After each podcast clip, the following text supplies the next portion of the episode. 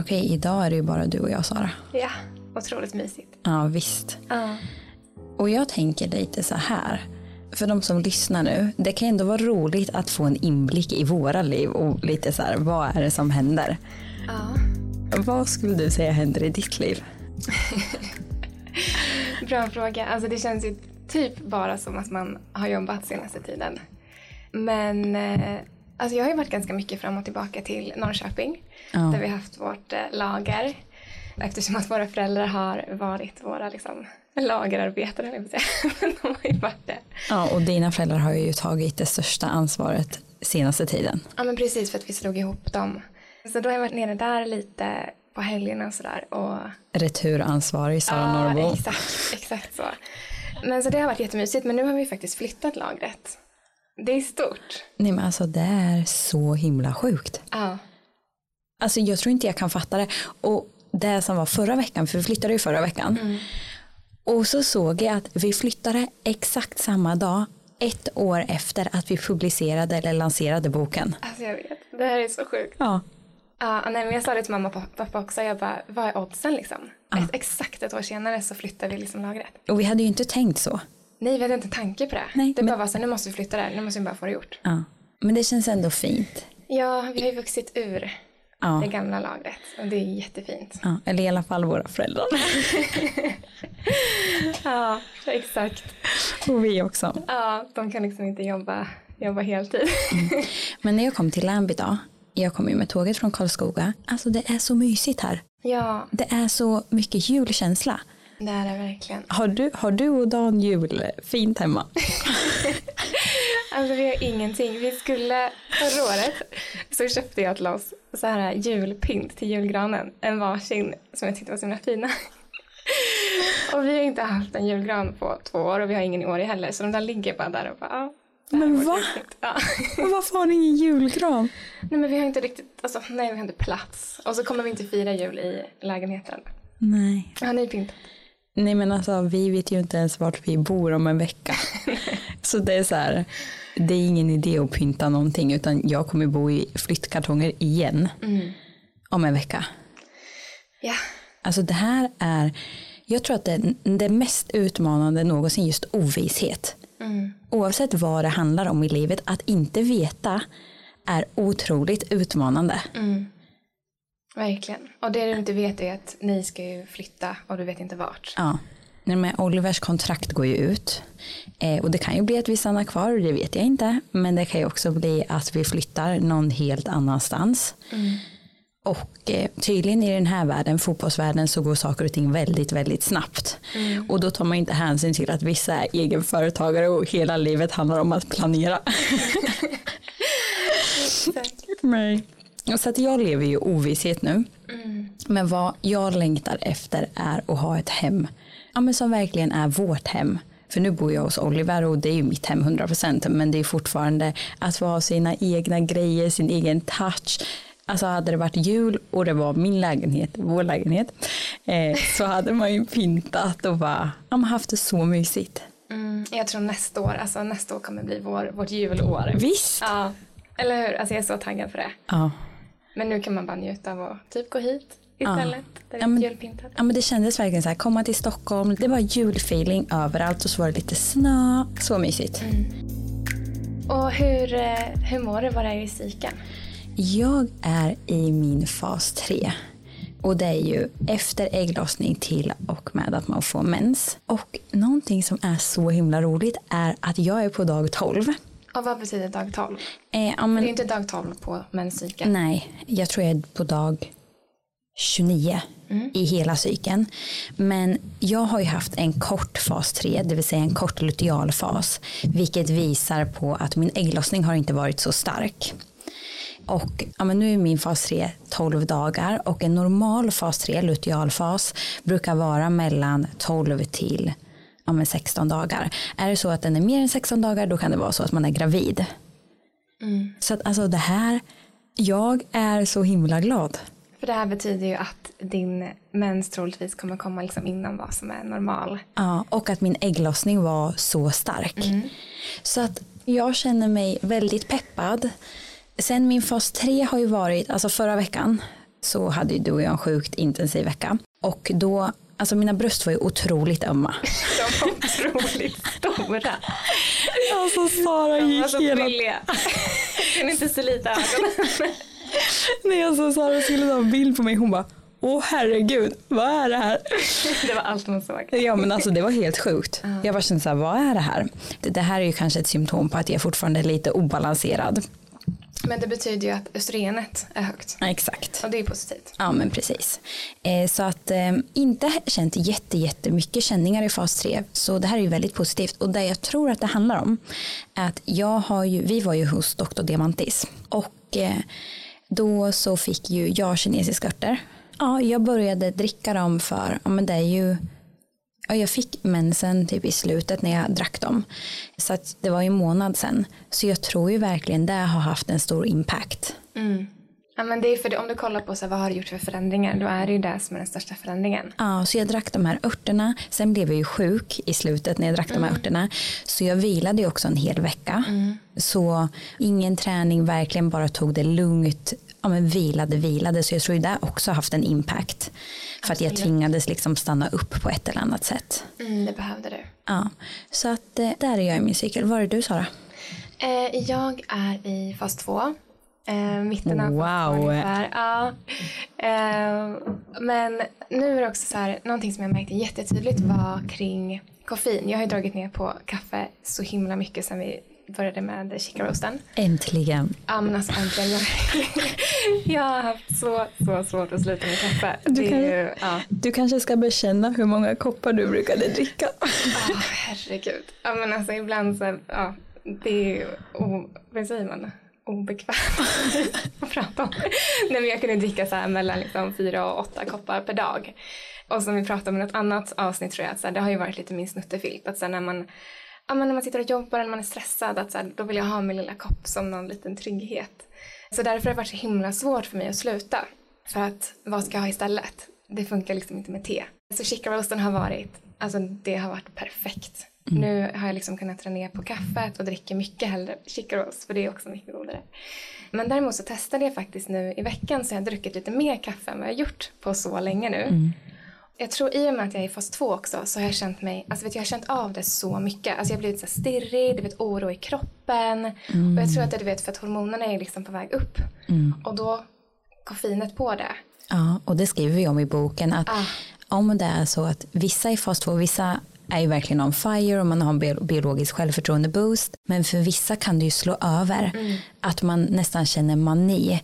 Att man blir stirrig, hjärtklappning. Exakt så.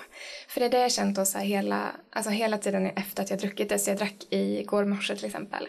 Var super liksom så här stirrig och liksom stressad hela dagen typ. Och sen på kvällen, tankarna du vet, kunde inte sluta. Och jag bara, men jag har ingen anledning att vara stressad. Men då var det det jag kunde liksom koppla till var koffeinet. Så nu också till skillnad från förr när jag kunde dricka massor koffein och inte kände av det som jag trodde då. Nu när jag har liksom tagit bort det och sen lägger till det. Alltså jag känner, jag känner det direkt. Så ja, det påverkar verkligen. Mm. Men det är också så kraftfullt och ibland behöver man ju bara komma ifrån det ett litet tag. För att man tror ju också att det är så bra för en. För som när jag drack kaffe, alltså jag kände ju lyckokänsla, jag var produktiv. Men det var ju sen att det slog över. Men det var ju fortfarande, det vägde nästan upp de där minuterna eller timmen som man verkligen var produktiv och man bara, ja men det här är så gott. Ja men exakt. Men det är ju sjukt vad man liksom kan vänja sig vid alltså saker. Att när man också är i någonting hela dagarna då vet man ju inte något annat. Alltså det blir ju på något sätt det normala tills man tar bort det. Så jag kanske inte riktigt visste vad koffeinet gjorde i min kropp för att så här, det är så min vardag ser ut. Ja, vet du vad som kommer till mig då? Jag tänker på det här, nu outar jag det här, men vi är ju transparenta och så. Men när vi var hos Dr. Diamantis, då pratade vi också om att man skulle få, men vi fick ju lite kostråd utifrån vår kropp och eh, vad han såg att vi behövde. Och då nämnde han ju exempelvis gluten för dig. Men du har ju alltid liksom älskat bröd och ja, men de här sakerna. Och jag vet ju att du har dragit ner lite på det. Men tror du det här kan vara samma sak? Ja, alltså tänker att det också kan ge de effekterna. Ja, men att just nu så kanske du inte märker så stor skillnad om du äter eller inte, men om du skulle ta bort det helt under en period, tror du att det skulle kunna ha samma positiva effekter? Ja, alltså 100 procent. För du har ju ändå haft utmaningar med typ mage och lite sånt senaste tiden. Ja, men exakt. Jag tänker att vi kan gå in på det också eh, om vi vill. Men eh, för nu har jag också faktiskt börjat med någonting sista typ 40 dagarna. Så jag börjar skriva, skriva ner varje dag vad jag äter. Och det här är ju kanske ingenting så som passar alla. Eh, speciellt inte om man har haft liksom en relation där man har mycket kontroll kopplat till kosten. Men för mig har det varit jättebra. Bara för att se liksom, så här, men vad äter jag egentligen på en dag? Och också det här att kunna se, eftersom jag har slutat med koffein, att kunna se då att så här, ah, men nu har jag verkligen kommit ner till typ en kopp om dagen eller ingen kopp och så dricker jag Chicaros istället. Aha. Eh, ja. Vad, har du, vad är din reflektion utifrån de här 40 dagarna? Är det någonting du har sett? Ja, men dels det här med koffeinet då. Det har ju blivit väldigt liksom svart på vitt. Eh, men också med eh, att småäta eller liksom äta typ socker, du vet bullar, äta någon liten brödskiva, typ sådana saker. Det har blivit naturligt att jag har liksom kunnat dra ner det. Också för att jag börjat äta middag tidigare på kvällen. Men nu också sista veckorna för att det har varit lite så julkänsla. Så har vi köpt eh, lite så lussebullar. Du vet någon gång, bara, vi tar en fika. Och Så då, mysigt. Ja, men jättemysigt. Men då har jag känt det här att jag har känt av blodsockerhöjningen. Speciellt nu under liksom, fas 2. Eh, det är jätteintressant. Och det är ju viktigt att trycka som du säger att du kommer ju snarare från en bakgrund där du aldrig har reflekterat över vad du äter på ett Exakt. sätt. Alltså du har ju varit så här, mat är mat, jag äter det jag känner för. Det spelar liksom ingen roll egentligen vad jag äter utan det är mer så här, men bara det är gott, enkelt, snabbt. Exakt så. Att för dig är ju det här ett magiskt verktyg. Medan kommer man från min bakgrund så kanske det skulle bli, ah, det kanske inte är det optimala. Sen automatiskt har jag mycket inbyggt i mitt huvud för att jag har, jag kan det. Men det här är väl ett jättebra verktyg. Mm. Ja, men det har faktiskt varit mer, ännu mer kraftfullt än vad jag trodde eller hoppades på. Det har varit jättebra. Och det är också lite på tal om, eh, eller det har vi inte pratat om än, men med ritualer.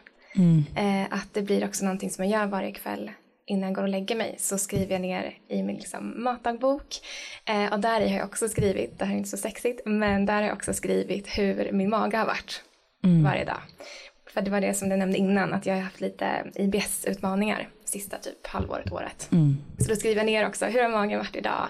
Och där har jag också kunnat se då att så här, ja men beroende på vad jag ätit eller hur jag levt, att jag kan märka att okej men där var jag stressad och det, vart, det reflekterades i min mage liksom. Ser du någon skillnad beroende på vart du är i menscykeln? Ehm, inte jättemycket än, men det har också bara gått en och en halv cykel. Men mindre, alltså i fas ett så var jag väldigt stabil i magen. Och den kopplingen har jag inte, har jag inte liksom grävt i så mycket mer än. Men det är det enda jag har tänkt på. Mm. Och jag tror verkligen att, för du har inte börjat dricka örten än. Nej, ska göra jag vågade inte förra veckan för vi hade så mycket. Nej. och du var ju sjuk efteråt för att det var så mycket på kroppen. Ja. Och han sa ju till dig att så här, ta en vecka när du liksom har nära till toan. Exakt, för jag har ju tydligen då stagnation som det kallas inom kinesisk medicin. Ja, och jag har, alltså det här gör mig så förvirrad. Jag pratar med Josefin som vi ska intervjua i podden imorgon om kinesisk medicin. Men jag är både alltså young deficient på ett sätt men också yin deficient. Det är också självklart att du och jag har olika saker. Som alltid, alltid motsatser liksom. Ja. Men så jag tror att det där kommer också alltså, skapa succé för din kropp. För jag känner verkligen hur örterna har gjort skillnad. Sen jag ska vara helt ärlig, det var, det var så äckligt. Nej men alltså det var så äckligt. Ja, jag ser inte fram emot smaken men jag ser fram emot effekterna. Mm. Men vad var det, varför skulle du dricka ärtorna? Vad var det det skulle göra för dig? Ja, men för mig, jag är fortfarande yin deficient, alltså mycket kyla i min kropp och det här är ju en konsekvens av mina tidigare år. Just det här med ja, men den feminina energin och eh, oregelbunden ägglossning, utebliven mens, tränat väldigt hårt och mycket, det här med att inte äta tillräckligt med fett, allt det här har haft konsekvenser på mig och jag tycker det är så himla coolt när man pratar om det här, att alla de här sakerna är väldigt mycket alltså kyla. Ja, men Josefin förklarar det väldigt bra. Att eh, yin deficient, det är ju det här feminina energin Och det är som att jag har använt för mycket av min yang-energi. Att göra, att prestera. Tänk när man tränar. Ja, men då gör man igen istället för att kanske dansa eller yoga och känna in kroppen. Eller till exempel att man äter sallader. Det är kalla saker som kyler ner kroppen mm. istället för att äta varma närande saker som får flödet, energin i kroppen att cirkulera. Så det blir egentligen kyla på kyla på kyla. Ja, och sen addera på det. Ha, att man inte har tillräckligt med kläder på sig.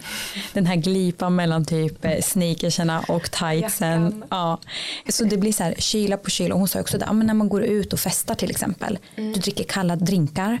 Svinkallt, har för lite kläder någonstans blir det hela den här kylan och sen också att man lever i det här mycket maskulina. Mm. Så att för min del har det ju varit verkligen att eh, ja, men få upp eh, gin på mm. många sätt i kroppen. Mm, det är så intressant. Mm. Och det är ju ändå mäktigt. Ägglossningen kom fem dagar tidigare. Mm. Det är så mäktigt. Det är verkligen sådana framsteg liksom på så kort tid. Verkligen. Uh -huh. Men det känns som att den är på väg. Mensen ja. Ja, jag tror att den kommer imorgon eller på lördag. Tänk dig en cykel på 30 dagar. Alltså wow. Ja, och wow. framförallt en stark ägglossning, det är allt. Mm. Men jag tänker också, eftersom att du och jag är väldigt insatta i vår menscykel. Det, är ju, det har ju blivit helt naturligt för oss eftersom att vi har skrivit en bok om det. Ja, exakt. Men jag tänker så här att någonting som kanske är kul att lyssna på är mer att vi går igenom hur vi använder menscykeln i vår vardag så att människor kan ta med sig tips. Det är superbra. Ja. Och hur vi trackar cykeln. Ja. Ska vi börja där? Ja. Hur, hur trackar du din cykel? Du har ju pratat mycket om temp till exempel. Exakt. Temphöjning. Ja. Vad det här egentligen handlar om när man ska tracka sin cykel det är att man vill förstå sin kropp och vad som påverkar den. Det är ju liksom grunden. Och för att få koll på sin menscykel så är det vissa delar som kan vara väldigt hjälpsamma och fördelaktiga. Och nummer ett är att börja tracka sin cykel på något sätt och det kan ju vara via en app, en dagbok eller att man skriver ner. Jag kör i en app i Natural Cycles. Så jag trackar i appen, sen tar jag tempen varje morgon. Och eh, där man egentligen mäter är den basala kroppstemperaturen och det är ju kroppen i vila. Så det ska man göra det första man gör på morgonen ja, men här är det viktigt också att man tar ungefär samma tid för annars desto längre man väntar så går tempen upp. Och också att man inte går och kissar eller går upp för utan du tar det första du gör på morgonen. Och nummer tre är ju fertilt sekret. Mm. Och det här vet jag att många kvinnor kan uppleva lite tricky. För att vi har ju inte riktigt lärt oss vårt fertila sekret, det är ju liksom flytningarna. Och jag jobbade tillsammans med Jenny Kos. Mm. Och jag, jag ska vara ärlig, jag tycker fortfarande det är utmanande. Men det är egentligen de här tre delarna som jag använder mig av. Sen så kan man ju också kolla cervix och det är livmodertappen. Så att man kan typ sätta sig på huk i duschen när man liksom har rena fingrar så kan man känna på livmodertappen och då måste man känna en hel cykel för att märka hur skillnaden är. För att tappen kommer förändras innan du har ägglossning och efter. Och på vilket sätt förändras den? Ja men tänk innan ägglossning. Det kan man ibland känna när man har sex. Att då är livmodertappen mer öppen och mjuk. Mm. Typ så här, tänk att man kan komma djupare. Yeah. Det är bara så här, det är inget stopp, kör på liksom. Eh, och den, så innan ägglossning är den mer mjuk och öppen och sitter högre upp. Medan efter ägglossning så kommer den längre ner och är mer stängd och hård. Mm. Så de här alternativen kan man ju använda sig av. Men som sagt, tracka cykeln, natural cycles, tempen och sen fertilt sekret. Och många när man använder natural cycles, bara, men det är inte en tillräckligt säker preventivmetod. Nej, inte om man kanske bara använder dem om man har en oregelbunden cykel som jag har haft. För det kroppstemperaturen gör, det är ju att den bekräftar när vi har haft ägglossning. Det vill säga bekräftar när vi har haft ägglossning. Då kan man ju egentligen inte avgöra, kan jag ha sex innan ägglossning? Alltså när kan jag ha sex och personen exempelvis kan komma igen. Mm. Utan du vet ju bara när du har haft ägglossning. Så det fertila sekretet är ju jättebra för att mäta, för att se när har jag fertilt sekret och hur ser det ut. För att då vet man ju ungefär när man ska få ägglossning. Mm. Precis, så att egentligen så beror det på hur regelbunden menscykel mm. man har egentligen, hur säker metoden blir. Exakt. Så har man en väldigt regelbunden eh, menscykel då blir det ju väldigt säkert för att det mm. på samma ja, under samma dagar ungefär. Eh, men har man en oregelbunden cykel så kan ju ägglossning inträffa. Mm. För berätta, vi, vi är ju såklart lite olika även här. exakt så. Eh, ja men exakt, för, för mig så har jag alltid haft en väldigt regelbunden menscykel. Och jag trackar egentligen min menscykel eh, i en app som heter Clue. Och där skriver jag i när jag har mens, alltså de dagarna jag har mens, hur mycket mens jag har. Och sen så följer jag min cykel, ja men typ sekret, men inte temp. Och det är för att jag vet att min ägglossning kommer ske inom de här dagarna och då ser jag till att eh, under de dagarna så skyddar jag mig. Och då tar jag alltid till några dagar innan och efter så att, ja, för att vara på säkra sidan liksom. För det är ju det som är lite utmanande i det här att våra kroppar är ju inga maskiner utan beroende på vad som händer i ens liv så kan ju ägglossning exempelvis komma tidigare eller senare. Så att om man verkligen vill vara säker säker så är det bäst att använda men de här tre, kombinera de tre. Exakt. Metoderna. Jag hade ju exempelvis inte använt mig av bara den här metoden om jag inte var i ett liksom, långsiktigt och tryggt förhållande. Eh, så det är en viktig aspekt. Och du har ju också trackat din cykel i så så många år så att du märker ju också du har ju lärt känna vilka symptom som också så här okej det här indikerar på att jag börjar få ägglossning Mm, exakt. så att du kan ju också läsa av kroppens signaler på ett annat sätt än jag kanske har kunnat gjort eftersom att min har varit så oregelbunden och att ja, men jag har egentligen haft en regelbunden cykel ish från ett och ett halvt år tillbaka. Mm. Ja men precis, så det är ju en jätteviktig aspekt att så här, ja, men jag vet att min menscykel ser ut på samma sätt så att jag märker väldigt tydligt om det är något som avviker eller vad de olika symptomen betyder. Och det bästa av allt, om det är så att ni lyssnar nu och känner okej jag behöver få koll på det här så kommer ju vi släppa en miniserie på tre inlägg nästa vecka som handlar egentligen om alla grunder för att, eller alla med grunderna för att få koll på din menscykel och då går vi in på just fertilsekret, kroppstemperatur, cervix, tracka cykeln. Exakt. Så den är perfekt att läsa bara för att få en förståelse. Och det är inte heller så svårt. Alltså det kan låta krångligt innan man är inne i det. Men sen blir det så naturligt. Så att så här, för de som kanske känner sig lite skrämda, så här, det låter så mycket. Så det, är, det är inte det. När man väl har förstått det så blir det väldigt naturligt. Ja, men det viktiga är också att ha tålamod och vara konsekvent. Ja men precis och låta det ta några cykler innan man kanske börjar liksom lita på att men det här är mitt fertila fönster. Låt det verkligen ta tid och se att men det här verkar vara upprepa sig månad efter månad. Mm. För där man kan säga att efter ägglossning, det vill säga fas 3 vi pratar om i Women's Inc. Efter ägglossning till nästa mens, det är då man kan ligga utan att skydda sig. Ja men exakt. Och då måste man ju veta att ägglossningen verkligen har skett. Ja. Vi får många frågor i DMs om hur man som kvinna kan må så bra som möjligt under månadens gång. Och om du vill lära dig mer om menscykeln och hur du kan påverka den genom verktyg i din vardag så vill vi tipsa er om Women's Think-boken. I boken tar vi upp allt du behöver veta om den kvinnliga biologin, hur du kan synka din livsstil till din menscykel för att må så bra som möjligt. Vi djupdyker även i mat utifrån menscykelns faser, vi delar framgångssagor från communityn och så, så mycket mer. Och I början på veckan brukar vi gå igenom reviews på vår hemsida och när vi läste den här reviewen så fick vi rysningar för den var så fin och vi ville dela den med er. Det står så här. Det här är alla kvinnors bibel. En helt ny värld som öppnades för mig som har underlättat och förbättrat mitt liv och kommer att fortsätta att göra det. Alltså wow. Så, fint. Ja, så mäktigt. Och boken finns att köpa på vår hemsida womensync.se. Men Sara, om du tänker din fas 1, så först, vad är fas 1? Fas 1 är eh, fasen när vi har mens. Superenkelt. Ja. Hur använder du fas 1 i din vardag? Mm.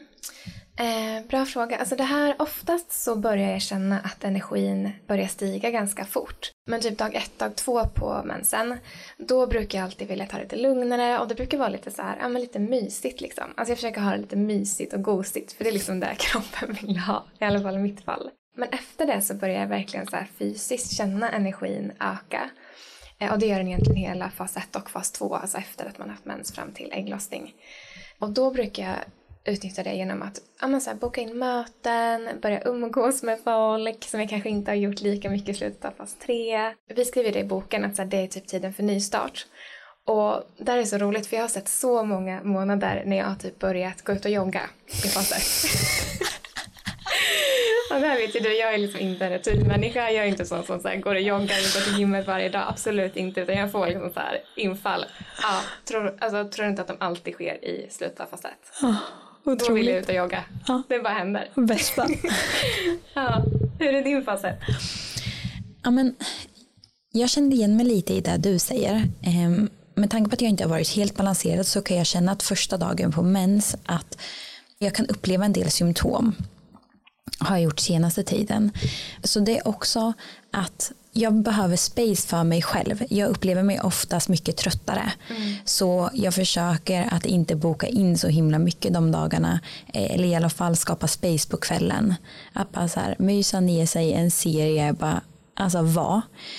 Sen har ju jag haft eh, en liten så här ritual som att när jag får mens så är det en stor grej för mig. Ja. Så där några dagar efter att jag har haft men, eller fått liksom första mensen så brukar jag köra typ ett löppass. För jag springer ju inte särskilt mycket längre. Så det brukar jag alltid göra då. Och jag brukar verkligen känna att energin kommer ju i takt med att mm. mensen avtar. Så känner jag verkligen en ökad energi mm. på så många sätt. Och det känns bara så här, som kroppen känns lättare. Och nu menar jag inte att man behöver värdera det som bra eller dåligt. För att det har jag också fått inse att ja, men i fas 3 kanske kroppen känns lite annorlunda. Men det är vad det är. Det är ingenting man behöver döma eller värdera på något sätt. Mm. Utan så här, vi är cykliska, det är okej. Okay. Men jag känner verkligen en lättnad, lite mer energi. Men också också en otrolig tacksamhet. Ja. Alltså verkligen. Så det skulle jag ändå säga är min fas 1 och det som du säger nystart. I fas 3 kan jag vara väldigt mycket så här, vi kommer komma in på det, men mer okej, okay, fett, lite kakao, alltså du vet så här, nej men alltså verkligen. Medan i fas 1 är det som att jag typ bara skiftar, jag bara nej, jag är ja. inte sugen på de där sakerna, jag vill ha mer de här, alltså mm. suget finns inte. Ja, det är så tydligt för mig också. Ja. Efter typ dag ett, dag två. Mm ja, men då, då blir det så här, nej men jag är typ inte hungrig på samma sätt.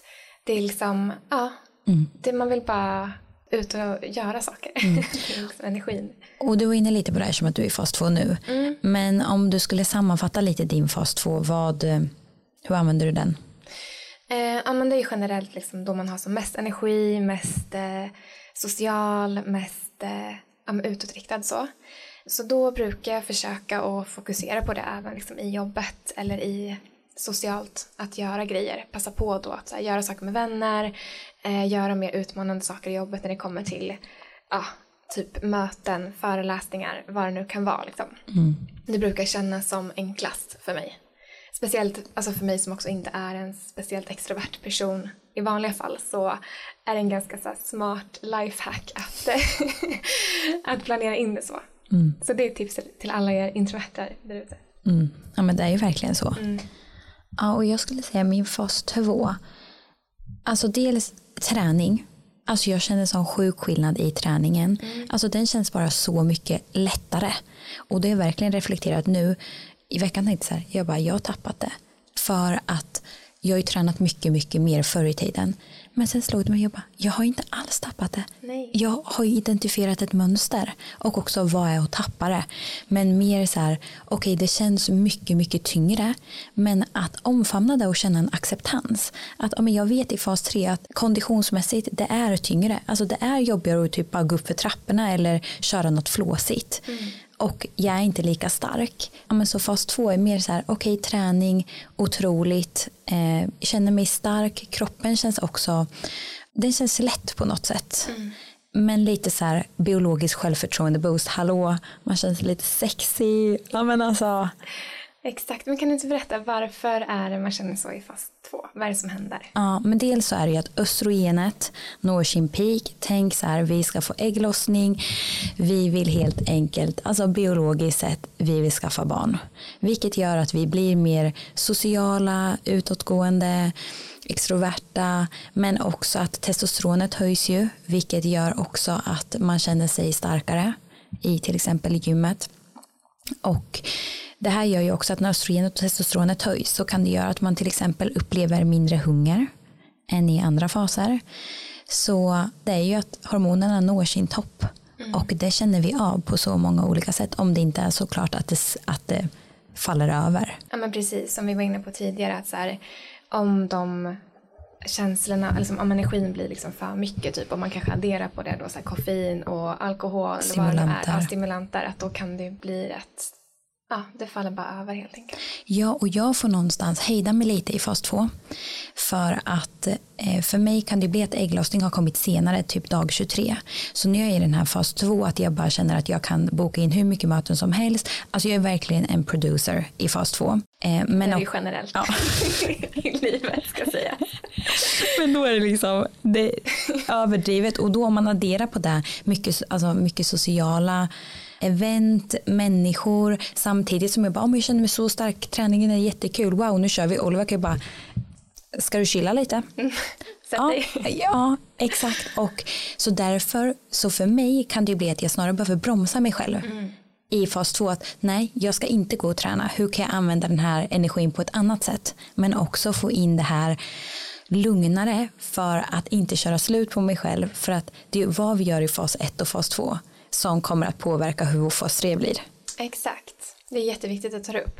Att som sagt vad vi får för då, PMS-symptom eh, beror ju jättemycket på vad vi har gjort inför fas 3. Exakt, så det är där du förebygger din fas 3. Mm. Så även om du känner de här känslorna av mycket energi, kom ihåg att någonstans vägleda dig själv tillbaka till den här vilan, återhämtningen, ja, mm. de delarna. Att köra inte slut på dig själv för det är så enkelt att man gör det. Verkligen. Men, och det tänkte jag också på faktiskt nu i den här cykeln. Att i fas 3, vi hade ju som sagt väldigt mycket förra veckan och då var jag i fas 3, fas 1. Och då tänkte jag på det att så här, eftersom att jag inte tog det lugnt då det som kanske i vanliga fall brukar bli så här värre PMS, det blev istället att jag var extremt trött under fas 1 mm. på ett sätt som jag inte brukar. Att jag sa ju, som jag beskrev innan, så brukar jag ha liksom den här energiboosten brukar komma ganska snabbt för mig. Men den här gången så var liksom hela mensen var jag supertrött mm. på ett sätt som jag kanske inte brukar när jag är mer balanserad. Mm. Så det blir liksom lite förskjutet också, så att tar man slut på energierna så förskjuts det ju. Mm. Och då kan man ju tillägga att vår förra vecka var helt sjuk. Ja. Alltså det var en dag, då var det så här föreläsning klockan sju, podd och sen så hade vi live shopping. Så det var ju så här 14 timmar och emellan där så vår TPL tredjepartslager implementerades, startade då. Ja, Instagram kundtjänst och allt det vanliga. Ja. Mm. Men det jag tycker bara blir viktigt är att jag tror att många, nu pratar jag många, det kanske är jag själv då. Ge dig själv lite råd. Nej, men jag frågar för en vän. Råd från en vän. Nej, men att många värdesätter och man kanske hela tiden vill vara i det här fas 2. För det är någonstans det här som är mycket det maskulina att göra, det där som värdesätts, att vi presterar, man tycker att kroppen känns på ett visst sätt, träningen känns lättare, man känner sig inte lika sug, alltså man bara känner. Mm, man känner sig social och härlig. Och, ja, ja, men någonstans att inte kategorisera det som någonting bättre än de andra faserna. Mm. För många pratar ju om fas 3 som någonting dåligt-ish. Exakt, och att det alltid är förknippat med PMS, vilket det inte alls behöver vara. Nej. Att sen när jag har en eh, väldigt liksom balanserad cykel, då känner jag knappt av fas 3 överhuvudtaget. Ja, och man känner, det finns ju andra gåvor man kan nyttja där. Exakt. Så kan inte du, okej okay, fas 3 bara först, vilka dagar är det? Det är från ägglossning till nästa mens. Ja. Så det är liksom den längsta fasen. Det är därför också den kan skifta så mycket. Att det kan ju vara att man har eh, en liksom väldigt balanserad fas 3 fram till kanske dagen innan mens eller dagarna innan mens. Så att det är verkligen, eh, alltså fas 3 behöver inte alls vara det här liksom negativa som den är så förknippad med. Mm. Och hur använder du din fas 3? Mm, men som du var inne på, att så här, den har verkligen andra gåvor. Och för mig är det jättemycket att eh, ge tid till mig själv, till skapande. Jag är en väldigt så här, skapande person, jag är designer och älskar ju att sitta för mig själv och typ ja, greja. greja. ja, men alltså så här, också i vårt jobb, att så här, då kan vara ganska så här perfekt att sitta med någon eh, produktdesign eller någon, eh, ah, vad det nu är, liksom något som inte innebär massa möten med andra människor utan mer så gå in i skapandet, gå in i flow. Um, men också typ så personlig utveckling, att börja reflektera, alltså ja, sådana saker. Läsa mm. sådana böcker som känner att man ger, ger någonting på djupet liksom. Mm. Ja, men det tycker jag också är så viktigt att någonstans skapa space mer för sig mm. själv ja, men det kan vara lite mer tid på morgonen eller på kvällen. Men från att ha gått från det här extroverta till mer introverta och framför allt att ja, men implementera de här små sakerna. Att alltså meditation blir ännu viktigare eller läsa eller skriva för att ja, men man är inte ute bland, man, eller man har inte behovet att vara ute bland folk på samma sätt. Och det här är också biologiskt. Mm. För det är ju efter vi har haft ägglossning. Så då är det egentligen för kroppen en tid för att okej, okay, nu kanske det blir ett barn. Så att någonstans så tänker den att okej, okay, nu ska jag ta det lugnt. Jag ska inte vara ute bland folk utan jag ska ta hand om mig själv. Verkligen. Så att det är helt naturligt att vi känner så. Mm. Och i, i fas 3 blir det för mig om man mer tid för mig själv. Men också jag känner en ökad hunger väldigt många gånger och verkligen. ett ökat sug. Så för mig blir det verkligen viktigt ja, men mer värmande mat. Det har verkligen känt skillnad. Alltså lite så här grytor men också fylla på med mycket fett. Och, på vilket eh, sätt fyller du på med fett? Ja, men alltså, jag bara tänker att jag behöver mer fett i en måltid. Som jag, om jag i fas 2 inte reflekterar lika mycket, då är det i fas 3 så reflekterar jag mer. Utan då kanske jag men lägger till mer fett överlag eller lite större portioner. För att jag har en ökad hunger, men också att jag vet att blodsockret är lite känsligare. Så att om jag fyller på med mer fetter så gör att det blir mer stabiliserat. Vilket också gör att jag kanske inte upplever de här emotionella skiftningarna på samma sätt. För att en del är i fas 3, jag kan verkligen känna mig mycket mer känslig. Mm. Ett exempel var igår. Så satt jag i bilen med Oliver och då var det någonting vi pratade om och jag bara kollade på honom och jag bara Oliver, jag är jätte, jätte, jättekänslig. Det känns som mina tårar ska komma nu. Och det var liksom så här, jag bara, han bara, okej, okay, ja, fas 3, mm, ja. Nej men alltså så här, så jag är mycket mer känslig, men det är också att jag har närmare till mina känslor. Så på ett sätt så är ju det också väldigt fint. Mm. Och det är just det här som du säger, den personliga utvecklingen. Att men få in det. Så att ja, men fettet, få in, alltså mycket det, det blir någonstans grunden. För att också påverka mig fysiskt. Eh, men också det här emotionella skiftningarna. Mm. Att inte behöva ha samma skiftningar. Mm. Så det skulle jag nog säga i min fas 3. Ah, exakt. Och jag tränar inte lika hårt och mycket. Och Nej. sover lite extra. Mm, Faktiskt. Det kan man verkligen behöva i mm. fas 3. Um. Ehm. Så, så skulle man egentligen kunna säga att så här använder vi vår cykel. Och grejen är så här, man behöver ju inte göra värsta jobbet eller att det här ska bli ett projekt. Utan vad det egentligen handlar om är att lära känna sin kropp och vad påverkas den av. Mm. För det är också en del i boken, vi pratar ju mycket om livsstil.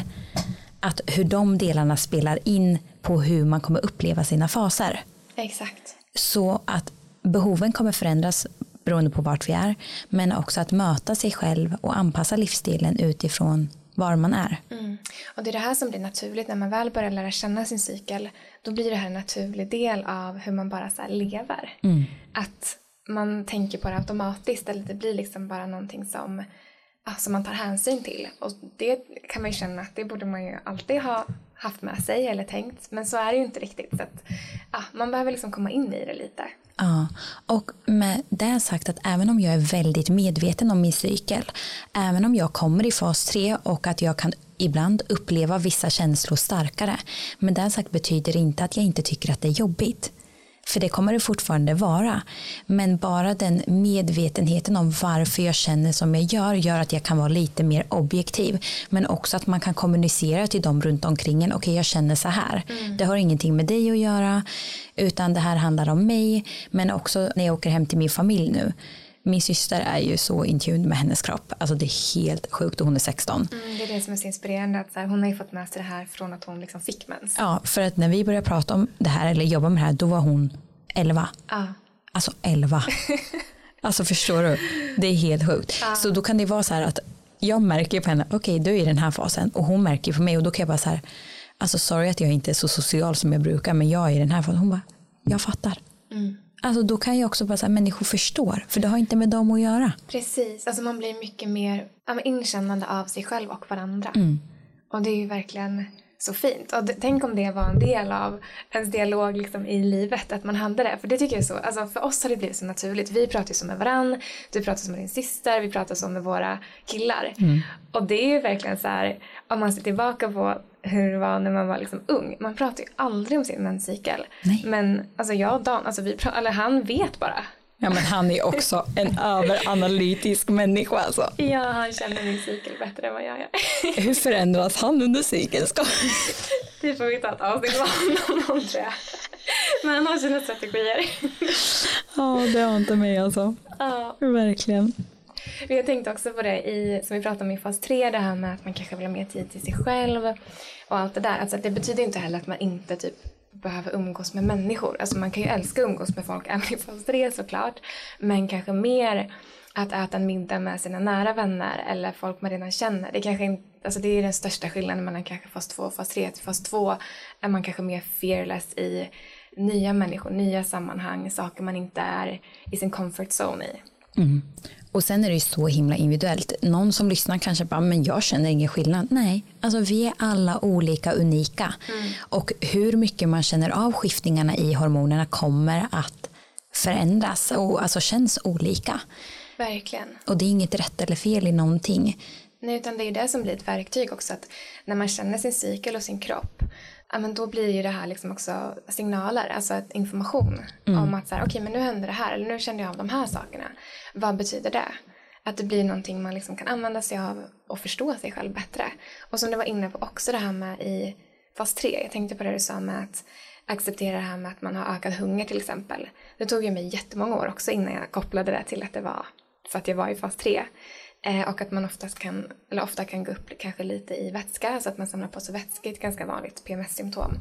Och det var också något sånt som tog så lång tid för mig att koppla. Och sen när jag väl gjorde det så var det en sån lättnad. Att så här, ja men gud det här är bara naturligt. Det är ingenting jag behöver fundera över. Varför håller min kropp på så här? Mm. Det är bara, ja det är bara där jag har en förklaring till det. Gud vad skönt. Mm. Så det är verkligen kraftfullt. Alltså verkligen, verkligen. Och nu känns det som att vi har touchat på allting som rör menscykeln, eller hur? Ja. Men jag tänker så här, innan vi avrundar.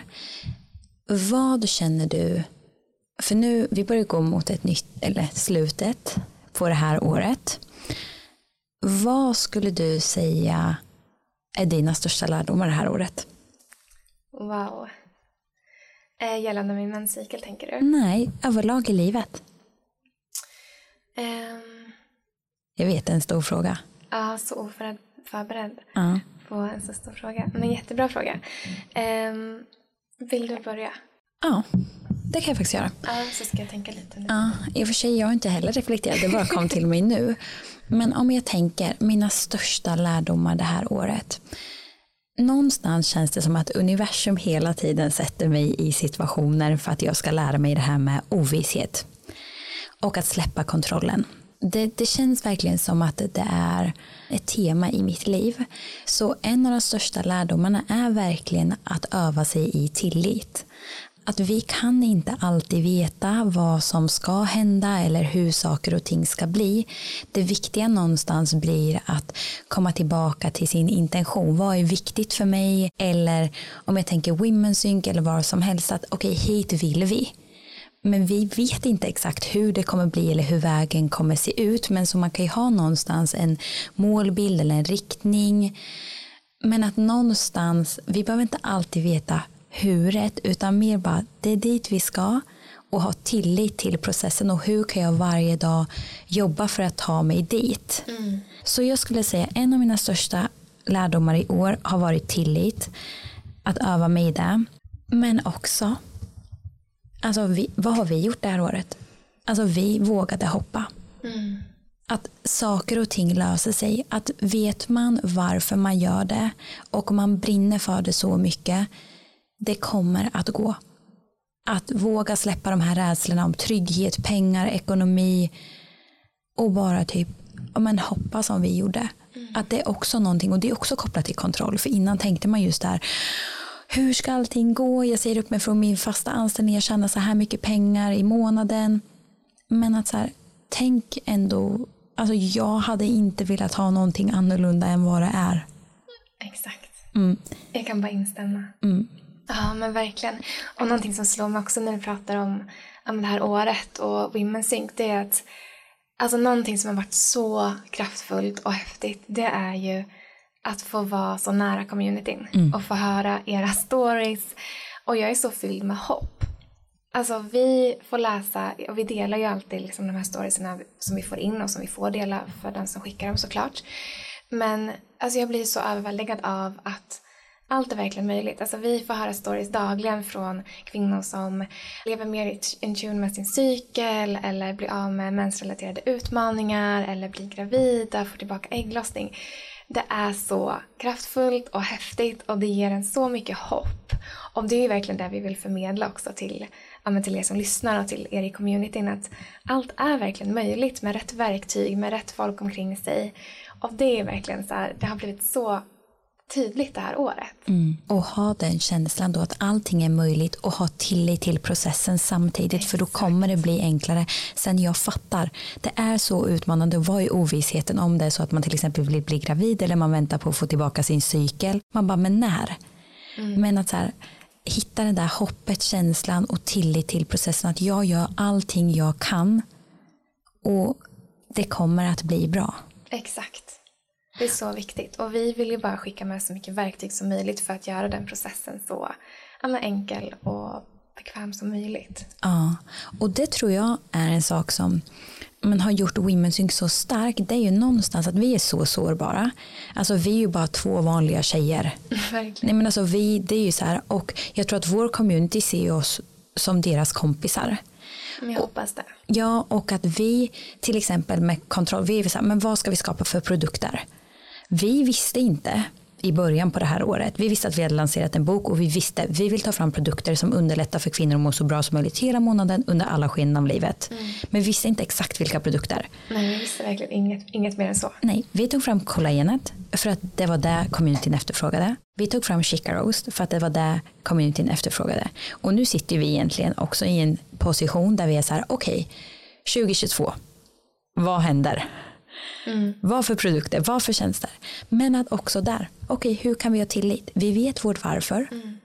Och att om vi vet det så starkt och att vi gör någonting som är så mycket större än oss själva. Då kommer det ju bli bra. Verkligen. Och det blir liksom att vi hela tiden bara kan gå tillbaka till då. Men vad är kärnan? Och det finns ju i communityn alltid mm. vad nästa steg ska vara. Så vi älskar ju när ni delar saker och kommer med inputs för att vi skapar där ni vill skapa för att då vet vi att det finns ett behov. Mm. Exakt, vi skapar det verkligen för er. Ja. Men vad skulle du säga nu då? Nu har vi kommit in lite för det, men bara så här, lärdomar det här året. Har det kommit någonting till dig? Um, nej men det fastnade vi var just det här som, som vi pratade om nu liksom med hopp att allt är möjligt, um, tillit till processen. Nej men också att uh, öva på att sätta gränser. Um, wow. Ja, och det är liksom någonting som känns väldigt så stort och svårt. Speciellt när man kanske var dålig på att göra det för sig själv innan. Um, men det är ju någonting som jag både försöker öva på själv och som jag vill öva på mer nästa år.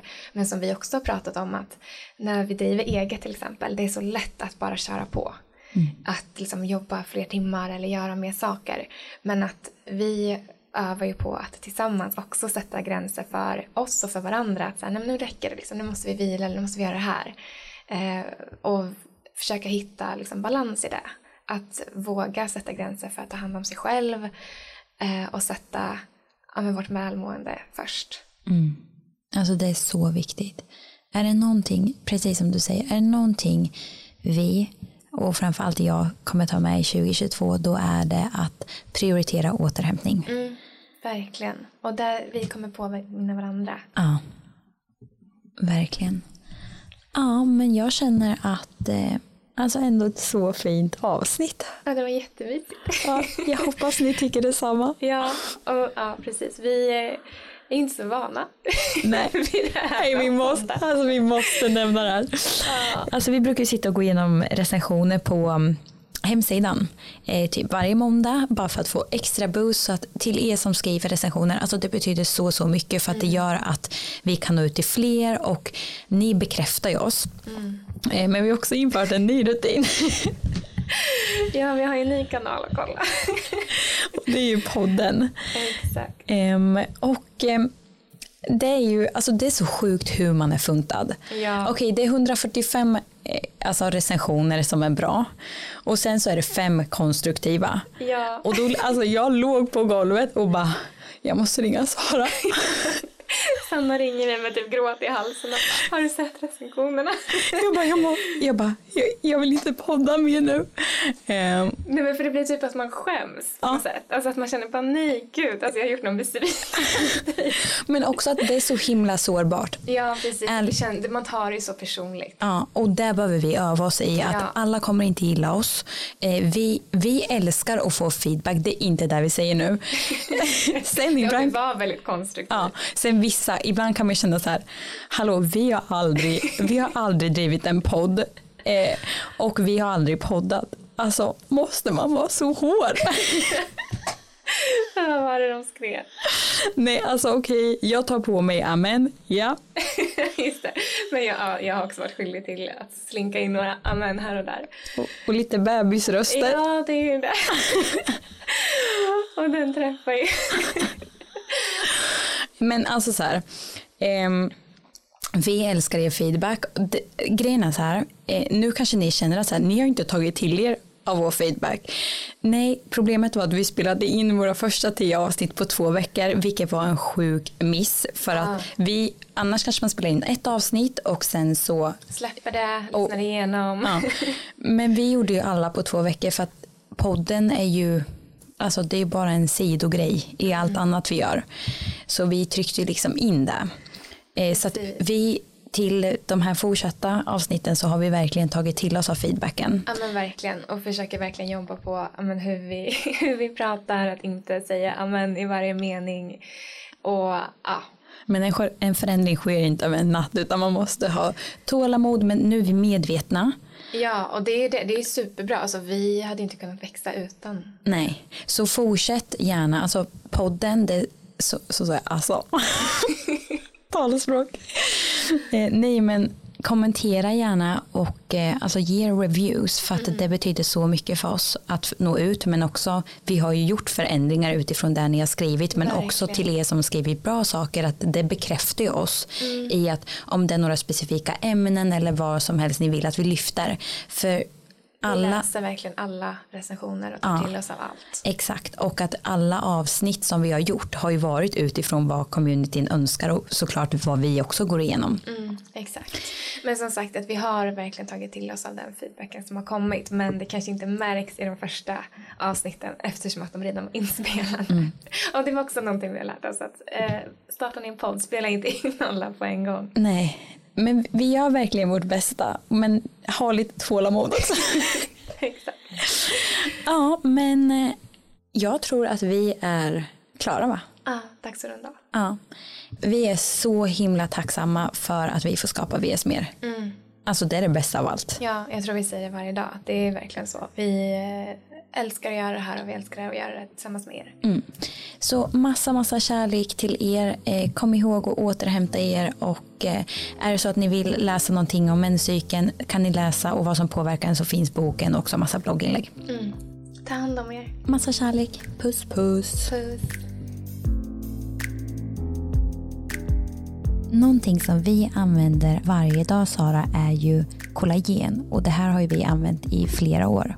Precis, och vi valde att ta fram vårt eget Women's kollagen för att vi började få ja, men, tiotals frågor i veckan om vilket kollagentillskott vi rekommenderade eftersom att vi ofta använder kollagen i våra recept. Och här började helt enkelt sökandet efter ett kollagen med bästa möjliga aminosyraprofil, med bästa smak, det vill säga ingen smak alls, men också ja, med den bästa upplösningen. Det här resulterade helt enkelt i Women's kollagen. Ja, och kollagen finns ju naturligt i kroppen och hjälper till att reparera och bygga upp hud, hår, leder, organ och allt som är elastiskt i kroppen. Och i takt med att vi åldras så minskar kollagenproduktionen vilket gör att huden åldras och att senor, leder och muskler kan bli mer ömma och stela. Och kollagen finns främst i mat som många av oss inte äter idag. Vilket gör att det blir att vi får i oss väldigt små mängder kollagen eller inget alls naturligt via maten vi äter. Så just därför kan det vara bra att ta tillskott av kollagen. Och kollagen är inte bara viktigt för huden som många tänker på utan det kan även ha med fördelar kopplat till mage, tarm, blodsocker och reumatism. Och vi älskar att använda Women's in Kollagen i allt ifrån vår chica roast till te, grytor, bakverk, turkisk yoghurt och smoothies. Det går typ att ha i allt. Verkligen. Och ni hittar vårt kollagen på vår hemsida womensync.se.